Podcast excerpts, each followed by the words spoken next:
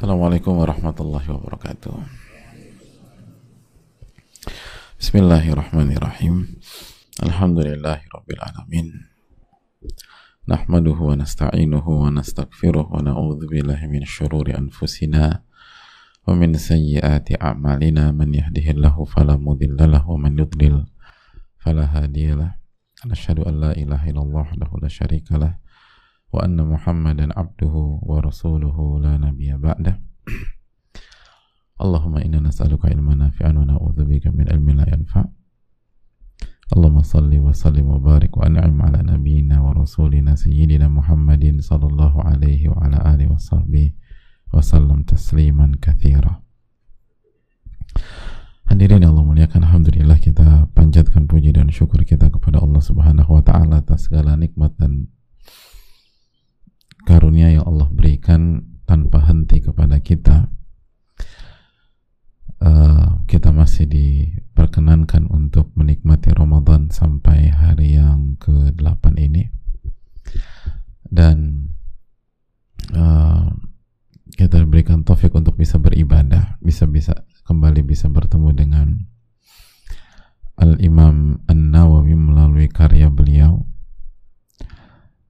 Dan kita juga diberikan taufik untuk bisa menikmati ayat dan hadis di dalam setiap babnya. Dan itu adalah anugerah yang lebih mahal daripada dunia dan isinya. Apalagi belajar dari salah satu yang terbaik. Itu uh, anugerah hadirin. Dan kita lihat bagaimana ayat-ayat dan hadis-hadis yang dibawakan oleh Al-Imam An-Nawawi rahimahullahu taala. Sangat keseharian sangat berkaitan dengan kehidupan kita apa pun strata dan status sosial kita. Dan mengajarkan kita bagaimana harus bersikap, bagaimana harus melihat, bagaimana harus memandang, bagaimana harus berbicara, dan tentu saja bagaimana menjadi orang yang lebih baik dan bertakwa kepada Allah Subhanahu wa taala. Itu hal yang harus selalu kita ingat dan kita uh, camkan hadirin yang Allah muliakan. Dan hadirin dan jamaah yang Allah muliakan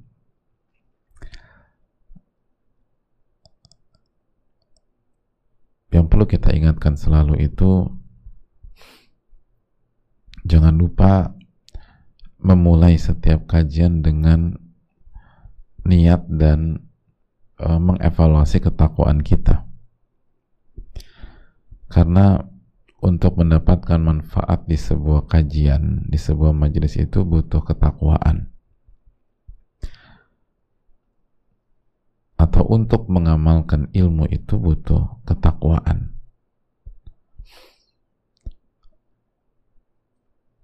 Allah Subhanahu wa taala menyampaikan, "Ya ayyuhalladzina amanu in tattaqullah yaj'al lakum furqana. Dalam surat Al-Anfal ayat 29 Wahai orang-orang beriman jika kalian bertakwa kepada Allah jadi wahai orang-orang beriman jika kalian bertakwa kepada Allah Allah akan berikan kalian itu furqan Apa arti furqan? Di antara tafsir furqan sebagaimana jelaskan Muhammad bin Ishaq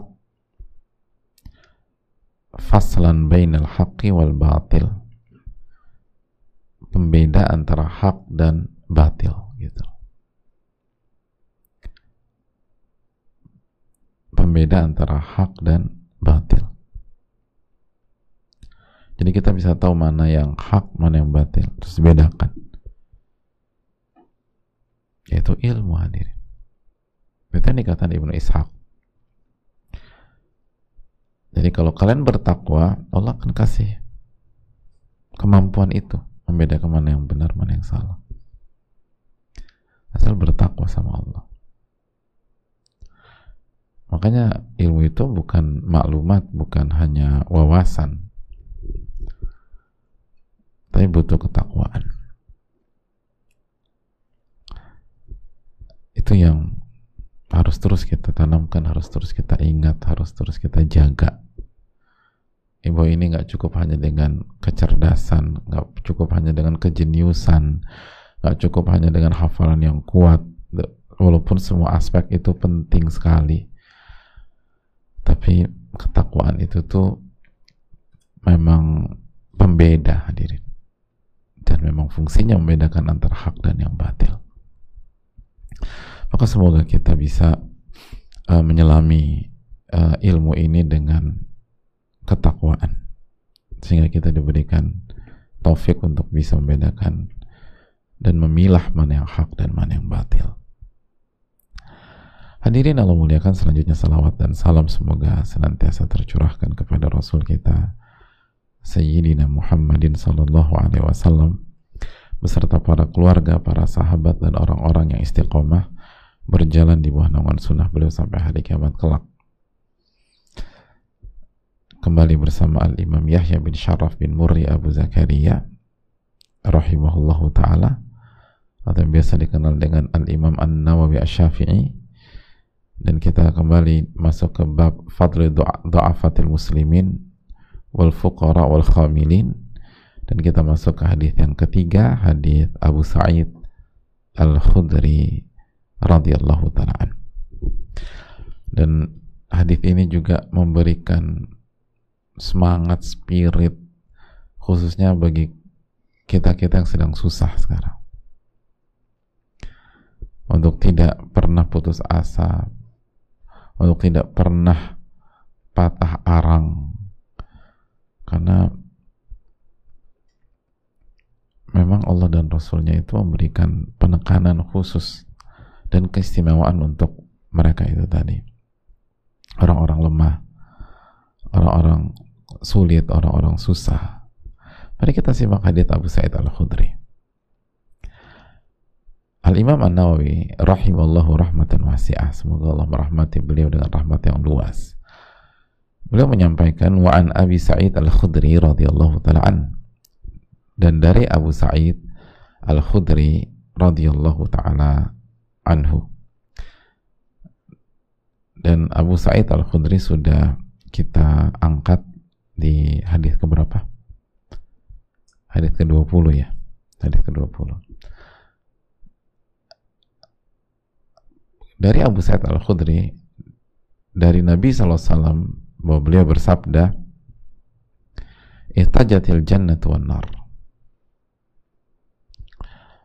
Nabi Shallallahu Alaihi Wasallam bersabda yang artinya ihtajatil uh, ihtajatil jannatu surga dan neraka itu berdiskusi. Berdiskusi. Dan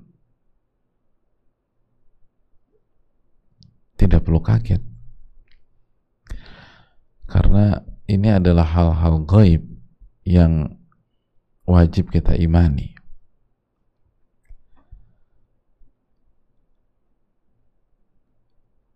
Walaupun dari satu dua sisi bagi sebagian pihak kok aneh ya? Nggak aneh. Kalau kita membaca keterangan ini melalui pintu yang bernama tauhid dan ta'zim kepada Allah Subhanahu wa taala. Masuk dari pintu innallaha ala kulli syai'in qadir. Bahwa Allah maha berkuasa dan maha mampu atas segala sesuatu. Apa susahnya membuat surga dan neraka berbicara? Bukankah Allah membuat bisa membuat Nabi Isa berbicara ketika masih sangat-sangat kecil. Jadi nggak ada nggak ada yang mengejutkan. Nggak ada yang mengejutkan. Jadi kalau kita masuk dari pintu keyakinan bahwa Allah maha mampu atas segala sesuatu aneh apa enggak? Enggak aneh hadir. Biasa aja kok aneh enggak aneh. Gitu. Wong manusia aja bisa membuat hal yang kalau dibicarakan 20 tahun yang lalu mungkin dia dipikir orang gila kali. Gitu yang kalau diangkat 40 tahun yang lalu diangkat di tahun 80-an gitu. Bahwa orang bisa bicara pakai sebuah kotak kecil gitu. Yang bernama handphone itu coba bicara tahun 70-an pas ngelihat orang jalan-jalan sambil bicara telepon. Ini orang kayaknya agak nggak waras nih. Saya lihat sendiri dia tuh selama 20 menit ngobrol sendiri. Aneh bin ajaib. Itu belum kita kita belum bicara pakai headset. Tambah tambah tambah nggak waras lagi kali. Ya dia komat kamit sendiri itu kupingnya kenapa tuh? Gitu. tapi sekarang biasa aja. Justru orang yang nggak percaya dibilang nggak waras. Gitu justru orang yang nggak percaya dibilang nggak waras. Anda tuh nggak waras. Itu tuh handphone. Itu tuh earphone atau headset gitu aja. Jadi kalau manusia dalam sejarah bisa melakukan itu, ya sangat nggak mengherankan bahwa Allah Maha mampu atas segala sesuatu. Gitu loh. Itu hadirin. Ya kan? Penemuan-penemuan yang sekarang dibil yang kita pikir paling canggih itu mungkin 20 tahun lagi ke depannya jadi bahan ketawaan gitu ya sama kayak dulu tahun 90-an tuh handphone baru apa tersosialisasi kan kayaknya tuh keren banget coba sekarang kita pakai handphone tahun 90-an jadi ketawain orang misalnya gitu sebagian orang tentu saja jadi itu hal yang biasa aja. Allah ala kulli syai'in qadir. Dan pesannya harus masuk nih hadirin. Karena meyakini Allah maha mampu atas segala sesuatu itu cabangnya tuh ke mana-mana. Ini hanya satu cabang aja. Surga dan neraka tuh bisa diskusi. Dan ini yang membuat orang-orang beriman itu kuat menjalani kehidupan karena dia yakin Allah Maha mampu atas segala sesuatu. Dan ia akan bawa kepada hal-hal yang positif terus. Kan karena kita disuruh berpikir positif kan. Kita disuruh optimis yu'jibunil fa'lu. Nabi SAW mengatakan saya tuh kagum dengan optimisme atau kata-kata yang positif jadi orang beriman tuh ketika melihat atau membaca hadis ini tuh dia mengimani surga dan neraka dalam hadis ini tapi dia lu, luaskan lagi ya berarti Allah maha mampu atas segala sesuatu ya apa susahnya Allah mengurai segala masalah kehidupan saya jadi ini yang perlu kita ingat Allah maha mampu atas segala sesuatu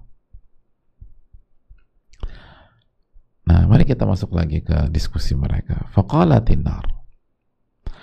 Maka neraka itu menyampaikan fiyal jabbarun wal mutakabbirun. Kata neraka di dalamku ini di dalam diriku ini ada orang-orang yang angkuh dan sombong. ada orang-orang yang angkuh dan sombong Masya Allah Lihat. Dan dijelaskan sebagian para ulama kalau kita mau sedikit mendetailkan al-jabbarun itu ashabul gilzah wal qaswah. Orang-orang yang keras. Gitu. kasar gitu. hati mereka tuh keras. Qaswatul qulub. Angkuh makanya angkuh keras gitu ya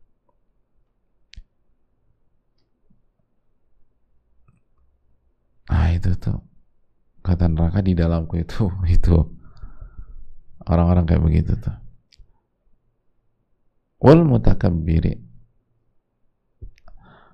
Dan orang-orang sombong. Wal mutakabbirun orang-orang sombong. Dan kita ingat sombong itu definisinya apa? Batarul haq wa gomtunas menolak kebenaran dan meremehkan manusia. Jadi orang-orang yang angkuh yang keras keras kepala nggak mau gitu. Uh, sama orang tua keras aja. Ribet sama mereka. Terus menolak kebenaran. Dibilangin ngejawab ngebantah. Dinasihatin bertahan. Lalu serang balik. Ngeremehin orang. Ah. ini kata neraka da di dalam diri saya. Tahu orang-orang kayak begitu tuh. Orang-orang kayak begitu. Na'udzubillah thumma na'udzubillah. Wa qalatil jannatu. Dan surga pun mengatakan menjawab fi du'afa'un nasi wa masakinuhum. Kalau di dalam diriku kata surga tuh itu adanya orang-orang lemah. Nah itu. Dan orang-orang miskin. Nah, ya Orang-orang lemah du'afa unnas wa masakinuhum. Orang-orang lemah dan orang-orang miskin. Masya Allah.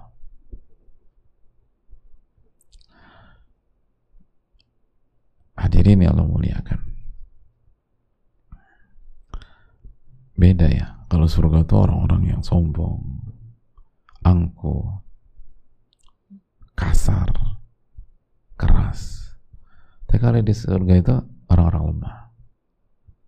Orang-orang miskin. Faqadallahu bainahuma. Maka Allah memutuskan di antara mereka berdua. Allah mengatakan innakil jannatu rahmati. Arhamu biki man asya surga engkau itu sesung innakil jannah sesungguhnya engkau itu surga. Sesungguhnya engkau itu surga.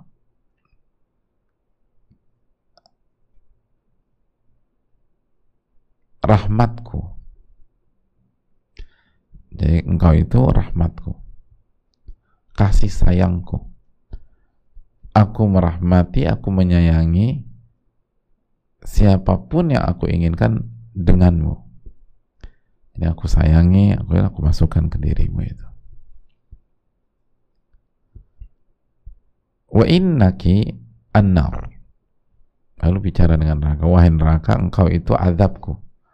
Adabi u'adzibu biki man asya dan aku menyiksa siapa pun yang aku kendaki denganmu itu.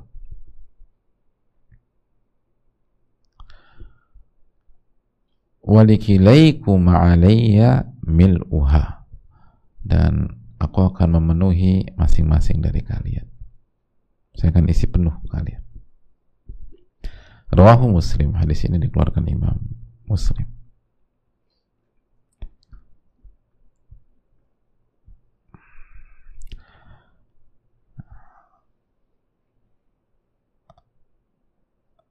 Hadirin Allah muliakan.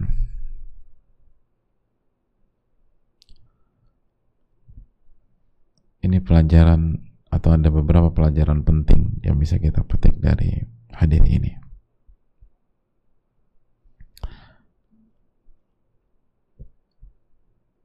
Yang pertama yang bisa kita petik dari hadis ini Hadis ini menjelaskan kepada kita sekali lagi bahwa mayoritas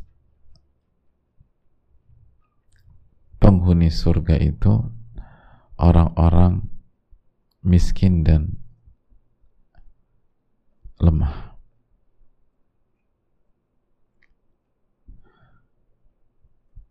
Kenapa demikian? Nah ini penting. Sehingga orang kaya nggak minder juga. Karena kalau kita lihat dalam kenyataan dan dalam sejarah sampai hari ini, li'annahum fil ghalib humul ladzina yanqaduna lil haq. Karena mereka lah mayoritas yang mengikuti kebenaran. Mayoritas itu yang mengikuti kebenaran itu orang-orang lemah orang-orang miskin dan itu yang disebutkan dalam hadis Abu Sufyan dan Heraklius yang mayoritas para nabi itu mayoritas pengikutnya itu orang-orang lemah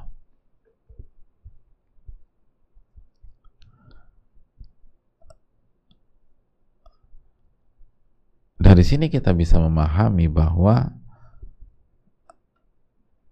mereka masuk surga bukan karena ilat atau faktor kemiskinan dan kelemahan duniawi mereka, bukan. Namun mereka masuk surga karena mereka menerima kebenaran dan mengikuti kebenaran, tawadu, rendah hati, mereka memulia atau menghormati orang, nggak meremehkan. Dan hal-hal tersebut itu lebih sering dimiliki di orang-orang yang lemah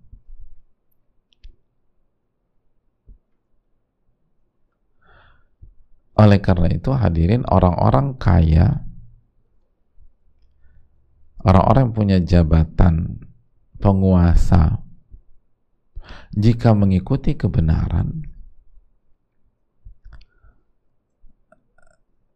jika nggak meremehin orang, respect sama orang, lemah lembut dengan orang, maka masuk ke dalam surga juga.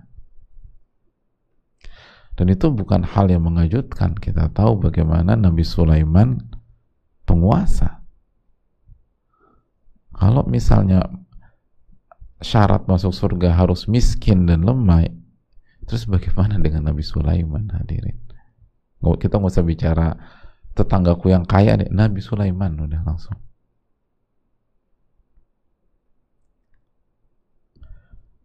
Bagaimana dengan Abu Bakar As-Siddiq, Umar bin Khattab, Uthman bin Affan, Ali bin Abi Talib radhiyallahu taala anhum. Itu semua pemimpin semua tuh, khalifah, khalifah, khalifah, khalifah. Lemah enggak, khalifah kuat, terkuat malah orang terkuat dan Nabi SAW mengatakan Abu Bakar fil jannah, Umar fil jannah, Uthman fil jannah, Ali fil jannah dan seterusnya radhiyallahu taala anhum. Abu Bakar masuk surga, Umar masuk surga, Uthman masuk surga, Ali masuk surga radhiyallahu taala anhum. Makanya mereka dinamakan al-asyratu mubasyarina bil jannah. Al-asyratul mubasyarun bil jannah. Sepuluh orang yang dijamin masuk surga secara langsung direct artinya disebutkan langsung nama mereka oleh Nabi SAW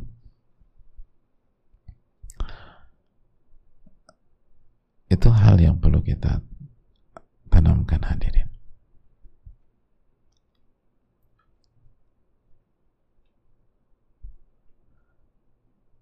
Sebaliknya ah, ini penting. Lihat uh, apa yang diucapkan neraka. Yang masuk uh, yang di dalam diriku adalah orang-orang yang al-jabbarun al-mutakabbirun angkuh keras. Menolak kebenaran dan meremehkan manusia. Lihat Nabi SAW dalam hadis ini dalam hadis ini tidak mengatakan di dalam aku orang-orang kaya. Enggak. Padahal menurut sebagian orang oposit atau lawan kata dari orang miskin apa? Orang-orang kaya. Tapi Nabi nggak mengatakan orang-orang kaya. Dalam hadis ini Nabi SAW mengatakan orang-orang yang sombong. Nah, itu.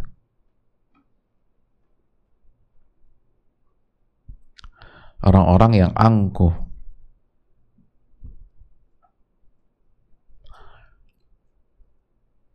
Nah, korelasinya baru pada di kenyataan yang rentan memiliki sifat ini atau yang lebih besar peluang memiliki sifat ini kesombongan, keangkuhan, arogansi dan seterusnya jika kita ada dua opsi antara orang miskin dengan orang kaya yang paling rentan rentan belum tentu loh rentan terjatuh itu orang apa Hah? yang punya semuanya tapi apakah dipastikan? Enggak. Enggak. Lihat bagaimana Abu Bakar As-Siddiq radhiyallahu taala udah kaya, jadi khalifah. Tapi orang yang paling bersih hatinya kepada umat manusia. Rendah hati, menghormati orang, nggak angkuh.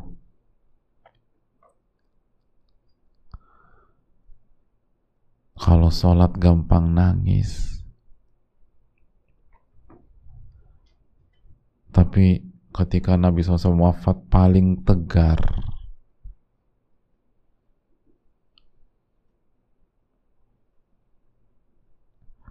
Dan sangat berani menghadapi pihak-pihak yang ingin menggoyang setelah Nabi SAW wafat.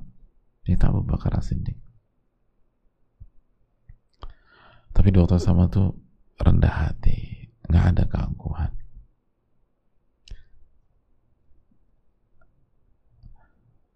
lihat Umar bin Khattab radhiyallahu lihat Uthman bin Affan radhiyallahu taala. Lihat Ali bin Abi Thalib radhiyallahu taala lihat. Mereka punya kekuasaan. Mereka memegang uh, harta yang besar pada saat itu. Tapi sangat rendah hati sangat. Jadi sekali lagi ini hal yang penting. Jadi intinya adalah bahwa li'annahum fil ghalib hum alladzina yanqaduna lil karena sering mayoritas sering kali ya ini lebih mudah diresapi oleh orang-orang yang lemah. Belum lagi sering banget orang-orang lemah orang-orang miskin itu di dunia itu terzolimi. Itu kan juga faktor. Terzolimi. Sehingga nanti di hari kiamat mereka dapat transferan pahala banyak Nah itu kan enak. Karena di dunia tuh dizolimi terus gitu loh. Yang lemah ditindas, yang miskin gitu loh. Nggak semua. Ada juga orang kaya dizolimi, tapi kita lihat ya banyaknya orang yang miskin yang itu ya terzolimi. Dan nanti kan pahala tuh ngalir terus hadirin. Gitu.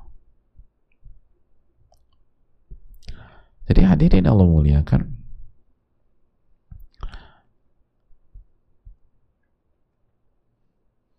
Ini yang perlu kita camkan.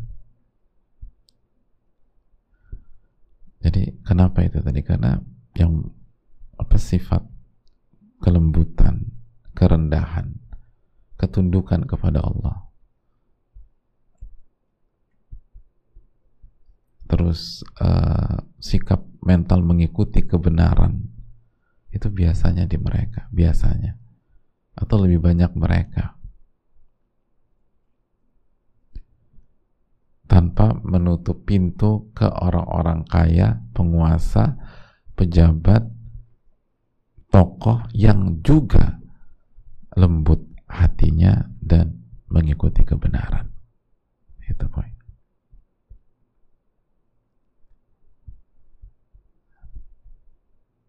Jadi jangan kita kalau ketemu orang kaya, lo kayaknya neraka lo. Lo gimana itu lo? Emangnya ada hadis apa redaksinya di hadis ini? Justru kita yang udah miskin, lemah, main fonis orang bisa jadi kita masuk neraka juga. Karena sombong. Gampang aja main fonis-fonis orang masuk neraka. gitu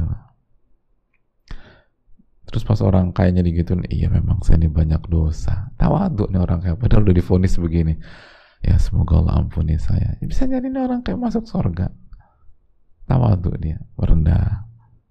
Ya, ini orang nggak punya apa-apa masuk bisa jadi masuk neraka karena ngeremehin orang.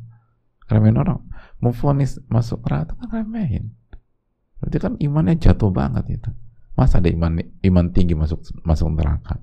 Hadirin jadi sering kali kita terjebak itu.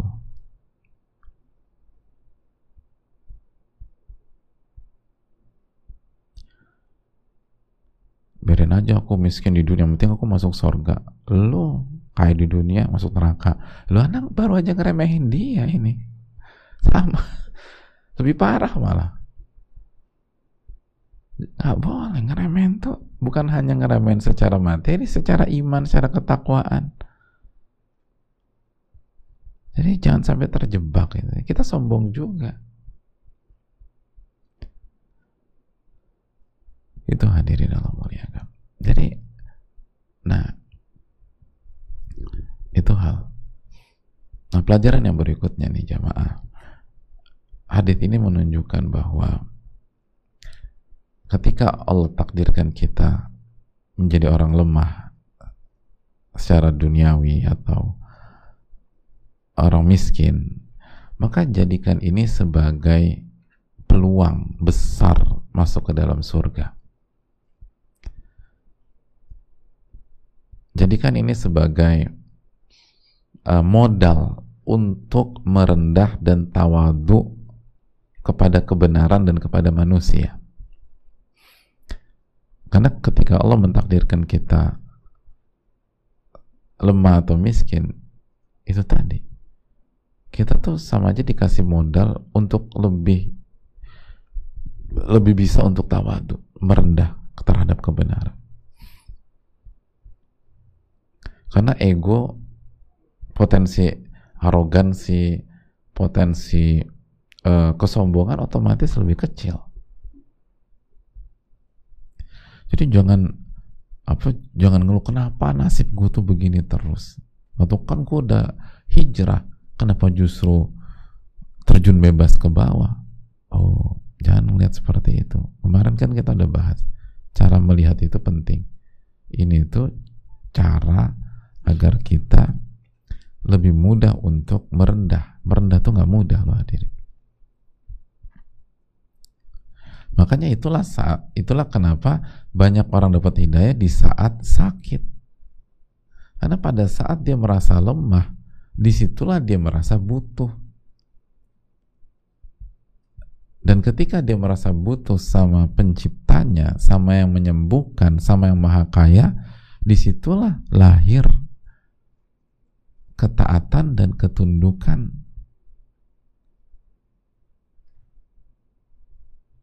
Itu poin. Jadi bersyukurlah ketika kita dikasih kondisi yang Allah pilihkan untuk kita. Allah nggak mungkin zolim. Ketika kita dipilihkan kondisi lagi susah, lagi berat sekarang.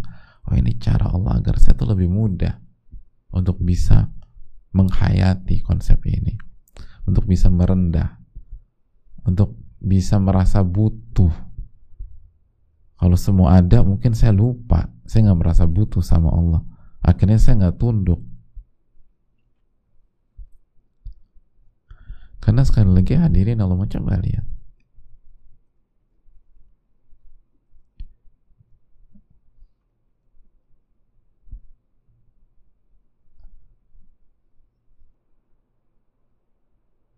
Tunduk dan nurut itu tuh memang harus merasa kecil. Dan hamba itu kan status yang paling rendah hadirin. Hamba. Tapi justru itu status yang paling tinggi di hadapan Allah.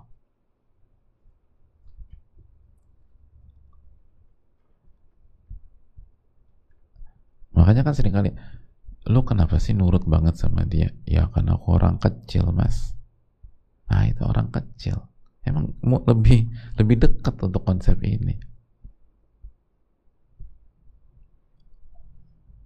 Tapi kalau udah itu, lu kenapa nggak nurut aja sih sama dia? Lo nggak tahu gue siapa.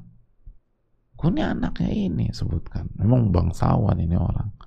Memang keluarga besar. Dia aja macam-macam sama gue gitu. Gue nih kerja di sini hobi doang kerja. Gue nggak butuh duitnya. Kalau perlu perusahaan ini gue beli. Sama tuh orang gue beli kalau bisa. Gitu. Soal marah. Lagi emosi disuruh sama manajernya. Oh dia orang kaya gue nih ke sini tuh hobi aja kerja. Bingung gue di ngapain di rumah. Jadi bukan butuh duit misalnya. Susah untuk itu. Jadi ketika kita apa uh, lagi ditakdirkan nggak punya duit segala macam ini peluang untuk merendah ke hadapan Allah tunduk sama Allah. Bertakwa. Nanti Allah sayang. Sebagaimana kalau Allah sekarang takdirkan kita jadi orang kaya. Punya kedudukan. Maka ini harus jadi cambuk pada kita untuk memperjuangkan ketawaduan ketundukan kepada Allah lebih kuat lagi. Karena secara godaan lebih besar ini. Jadi effortnya harus lebih kuat gitu. Punya semua hadir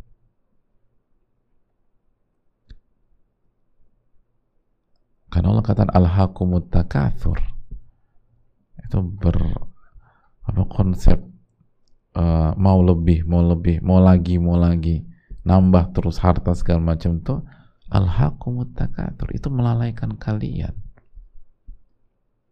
Emang melalaikan.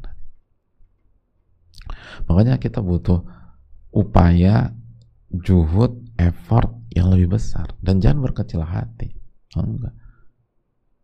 Dan kita berkompetisi secara positif dengan saudara-saudara kita yang uh, miskin misalnya. Dan dua-duanya itu mencari ridho Allah. Nah itu baru cocok hadirin. Itu ya. Pelajaran yang berikutnya hadirin Allah muliakan. Kamu coba kita kembali ke hadis tersebut. Nabi kita selalu mengatakan bahwa lihat surga itu bilang apa? Di dalam diri itu orang-orang lemah, orang-orang miskin. Nah terus Allah mengatakan apa? Innakil jannatu rahmati. Engkau wahai surga itu rahmatku arhamu biki man asya aku menyayangi siapa pun yang aku inginkan dengan kamu dengan kamu jadi aku menyayangi dengan mina aku menyayangi dan mayoritas atau banyaknya penghuni surga orang apa tadi orang miskin berarti orang miskin yang bertakwa disayang apa dibenci sama Allah disayang jadi ketika kita uh, ditakdirkan miskin, apakah itu artinya Allah jahat sama kita? Enggak. Apakah artinya Allah itu melupakan kita? Enggak. Apakah artinya Allah Subhanahu wa taala menjauhi kita padahal kita udah sholat, udah berzikir? Enggak. Itu disayang.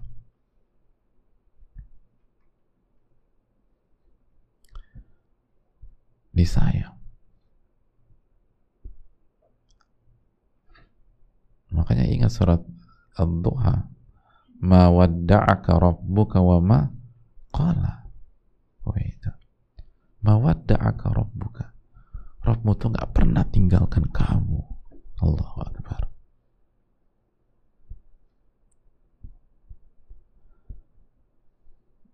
Surat Duha itu kalau kita baca ketika Allah kasih jalan keluar setelah musibah, masalah yang itu orang bisa nangis sendiri.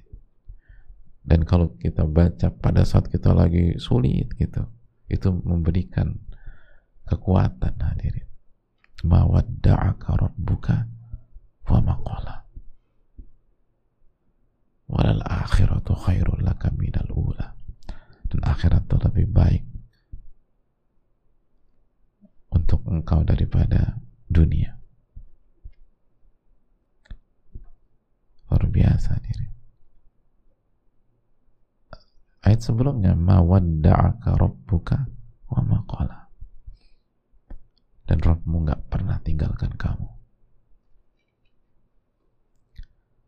itu buat orang-orang beriman itu apa ayat ini itu seperti air di tengah Sahara hadirin. Mawaddaka rabbuka wa maqala.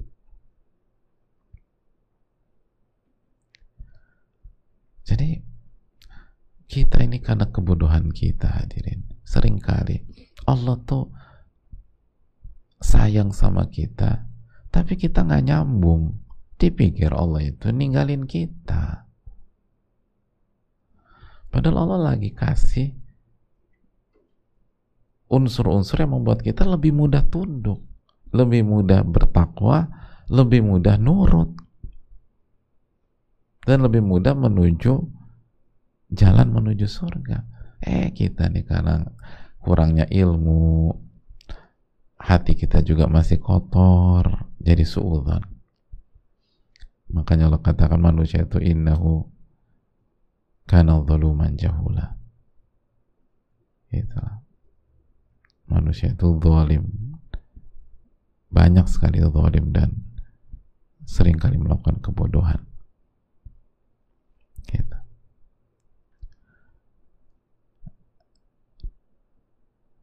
itu hal yang penting. Sebagaimana Allah menghukum hamba-hambanya masuk neraka itu bukan karena kezoliman Allah hadirin. Tapi memang ini orang memang layak untuk masuk neraka. Udah kelewatan bahasa kita. Gimana nggak kelewatan hadirin Allah Subhanahu wa taala udah kasih hitungan yang beda. Pahala itu minimum 10 kali lipat. Minimum tuh. Amal soleh itu 10 kali lipat. Dosa itu hitung satu. Lalu Allah tetapkan ada musibah di dunia yang kalau kita sabar tuh gugurin dosa lagi.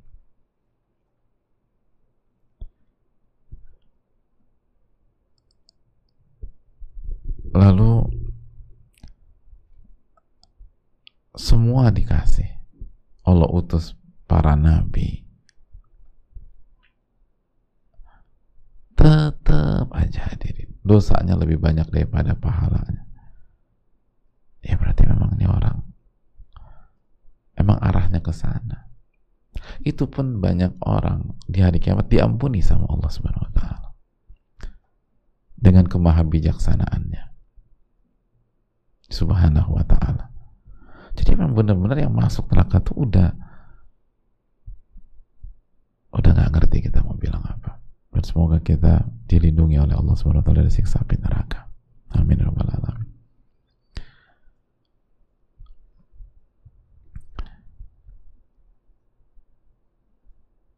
soalnya banyak semua banyak sekali lagi. Terus Allah buka pintu pertobatan.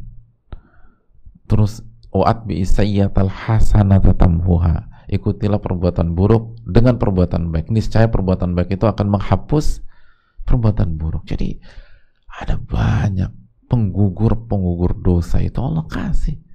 Kok bisa endingnya nanti dosa Anda lebih banyak itu kan? Itu pun sebagian diampuni selama nggak melakukan kesyirikan. Oleh karena itu hadirin, ini yang perlu kita camkan dan sekali lagi Allah itu sayang sama orang-orang yang lemah, orang-orang yang miskin, yang senantiasa kembali kepada Allah. Dan kemiskinannya bukan berarti Allah benci. Sebagaimana Allah nggak suka dengan orang-orang yang menyombongkan diri, meninggikan diri, walaupun dia dihormati secara duniawi. Makanya Allah berfirman, tilka darul akhirah. Dalam surat Al-Qasas ayat 83 tilka darul akhirah. Negeri akhirat itu kata Allah. Naj'aluha lilladzina la yuriduna 'uluwan fil ardi wala fasada wal 'aqibatu lil muttaqin. Negeri akhirat itu kami peruntukkan untuk orang-orang yang tidak ingin menyombongkan diri. Yang gak ingin meninggi di dunia wala fasada dan tidak ingin melakukan kerusakan. Dan ingat wal aqibatu muttaqin. Dan ending hasil akhir itu selalu untuk orang yang bertakwa. Selalu. Walaupun terkesan di awal terseok-seok. Walaupun di pertengahan tergelincir, terpleset, terpukul. Tapi kalau dia bisa bertakwa terus ya gitu. Wala aqibatu lil muttaqin. Ending itu hasil akhir itu selalu untuk orang yang bertakwa. Saya rasa cukup sampai di sini hadirin. Kita buka sedikit waktu untuk sesi tanya jawab. Semoga bermanfaat. Wassalamualaikum warahmatullahi wabarakatuh.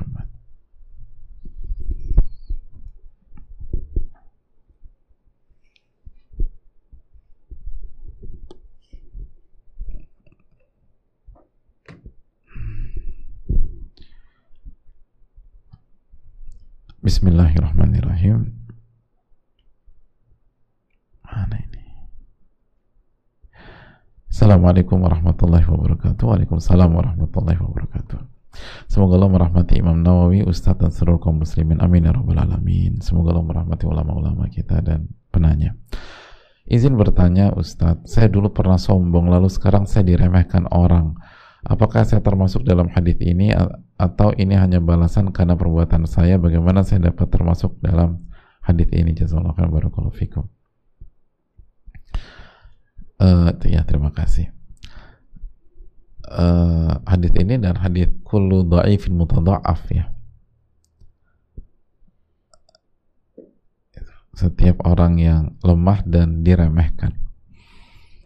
Uh, dulu saya sombong lalu sekarang diremehkan kalau dua kalau hadis ini masuk yang mana hadirin saya sombong dan sekarang saya diremehkan gimana kira-kira tadi surga itu untuk dalam surga siapa orang yang lemah orang yang miskin lalu kembali kepada Allah terus yang neraka neraka sebelumnya yang sombong yang angkuh yang suka ngeremehin orang Nah, penanya ini dulu sombong, sekarang diremehkan. Jadi masuk yang mana? Kayaknya dua-duanya deh Pak Ustaz. Lu hati-hati jangan begitu jamaah. Hadirin, kalau dulu kita pernah sombong, lalu kita bertaubat, taubatan nasuha. Ata ibu minadzambi kaman bala. Orang yang bertobat dari dosa kayak nggak pernah buat dosa dan bukankah banyak sahabat yang bertobat lalu menjadi bukan saja jadi ahli surga tapi jadi manusia terbaik. Jadi sombong yang dulu tuh segera ditaubatkan atau ditobati. Terus yang kedua, ini penggugur dosa. Ya, ada sisi al jaza min jinsil amal balasan tergantung jenis perbuatan. Dulu kita ngeremehin, sekarang diremehin. Tapi ketika kita sudah taubat ini juga bagian dari pengguguran dosa mungkin. Tapi kan udah taubat, ya kita udah taubat. Tapi bukankah para ulama kita mengatakan bahwa orang-orang beriman itu khawatir terhadap dosanya walaupun dia sudah taubat. Kenapa demikian? Karena kita nggak karena bisa jadi taubat kita nggak maksimal juga hadirin nggak 100% misalnya kalau tobatnya cuma 80%, berarti kan ada sisa 20% lagi. Nah, dengan diremehkan inilah dosa-dosa yang 20% ini digugurkan biidnillah. Ini ilustrasi aja. Jadi insya Allah ini positif lah. Dan jangan dibalas lagi, udah biasa aja. Justru jadikan pelajaran itu loh rasanya orang-orang yang kita remehkan dulu. Semoga kita jadi orang lebih baik lagi. Dan kalau kita bisa tutup lembaran kesombongan itu, lalu kita uh, merendah kepada Allah insya Allah kita dan penanya menjadi ahli surga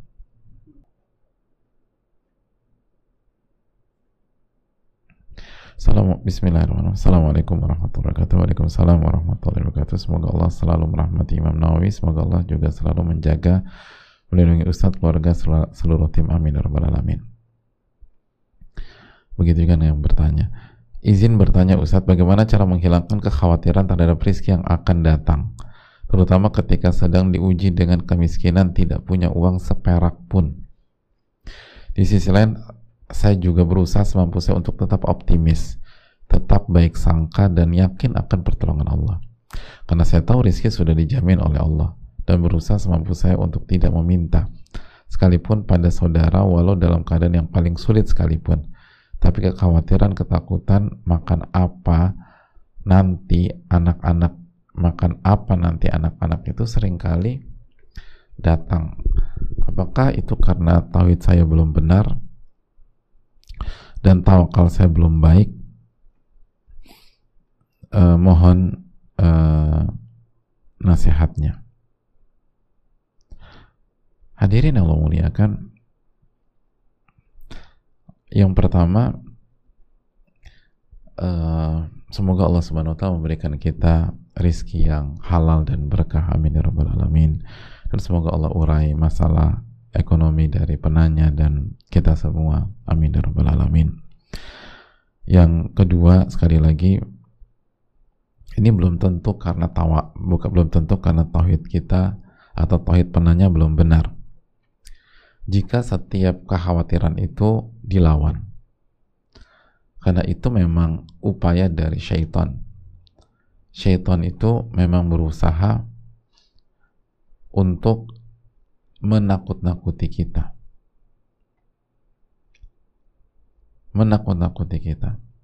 Makanya masih ingat surat Al-Baqarah ayat 268 Allah berfirman, "Ya asyaitanu ya'idukumul faqra wa ya'murukum bil fahsya." Asyaitanu ya'idukumul faqra.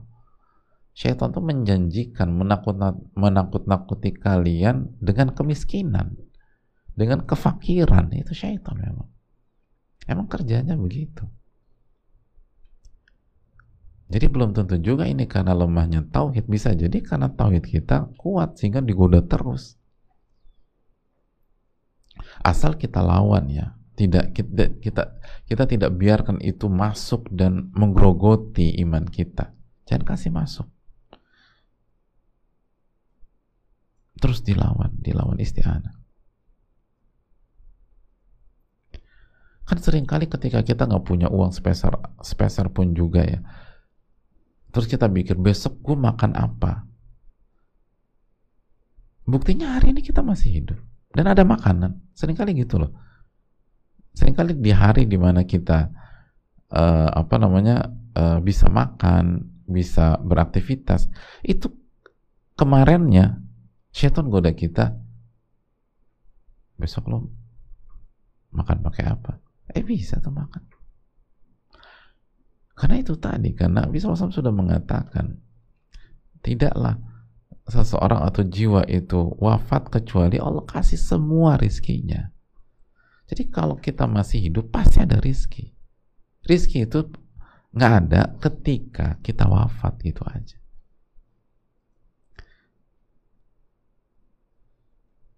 Masih ingat apa yang diucapkan Robi'ah bin Ka'ab dalam hadis Ahmad mikir kalau aku minta, kalau aku minta rizki ngapain minta rizki? Toh rizki juga akan datang ke saya gitu. Yang penting tuh kita berusaha. Itu Robi'ah tuh miskin nggak punya rumah hadir mikirnya begitu.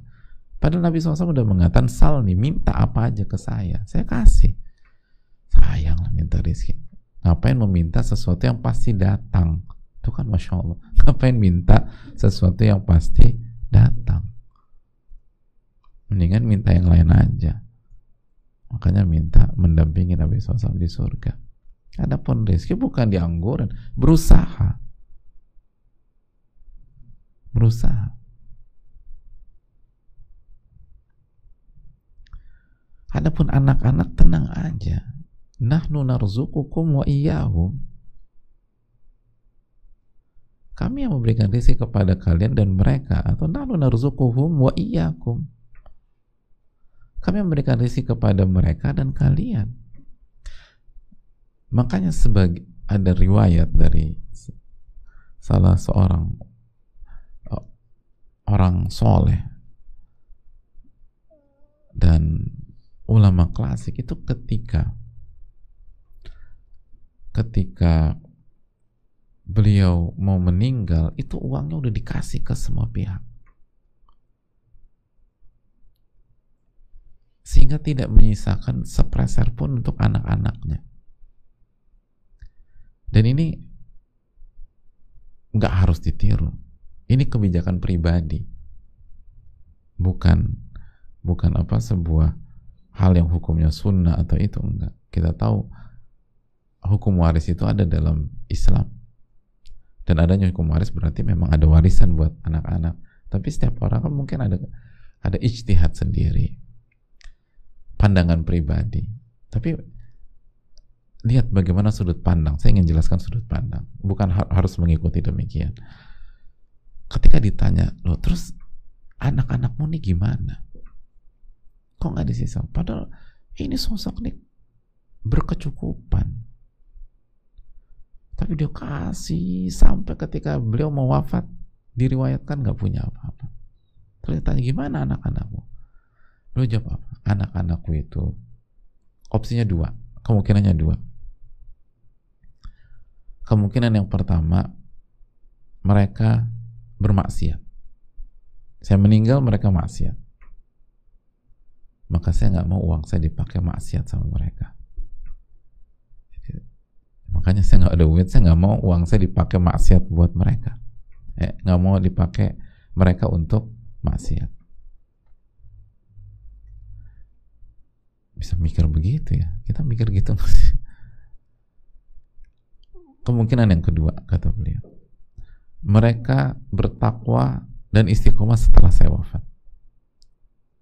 Kalau mereka bertakwa dan istiqomah, maka mereka nggak butuh uang dari saya. Wa man yattaqillah yaj'al lahu makhraja wa yarzuqhu min haitsu la yahtasib. Barang siapa yang bertakwa, Allah akan berikan solusi dan Allah akan berikan rezeki dari arah yang tidak diduga-duga. Allah udah janji, orang garansi mereka. Mereka nggak butuh dari saya. Itu aja. Bisa gitu pola pikir tuh. Gimana? Kita ikutin. Ramakum tuh udah bisa begitu ya. Sekali lagi, ini sebagai ibro sebagai pelajaran. Di sisi lain dan Nabi mengatakan engkau meninggalkan uh, harta buat ahli warismu sehingga mereka nggak menjadi benalu, mereka nggak uh, meminta atau uh, bergantung sama orang itu lebih baik kata Nabi. Jadi ini bukan itu hanya kebijakan pribadi aja. Tapi coba kita renungkan jadi ibroh. Sudut pandang itu penting. Ini betapa yakinnya sebagian ulama dulu itu. Kalau anak-anak bertakwa aman, dan itu benar loh benar. Orang bertakwa kan dijamin sama Allah. Allah ta'ala bisa saya rasa cukup sampai di sini. Jazakallah khairan. Semoga bermanfaat. Dan semoga Allah jaga kita semua dan semoga Allah memberikan kita taufik dan semua semoga Allah masukkan kita ke surga baik orang fakir dan miskinnya maupun orang kaya dan uh, pejabatnya. Semoga Allah memberikan ketakwaan kepada kita semua. Rabbana taqabbal minna. Allahumma inna nas'aluka ilman nafi'an wa na'udzubika min ilmin la yanfa'. Subhanakallahumma wa la ilaha illa anta wa atubu ilaik. Assalamualaikum warahmatullahi wabarakatuh.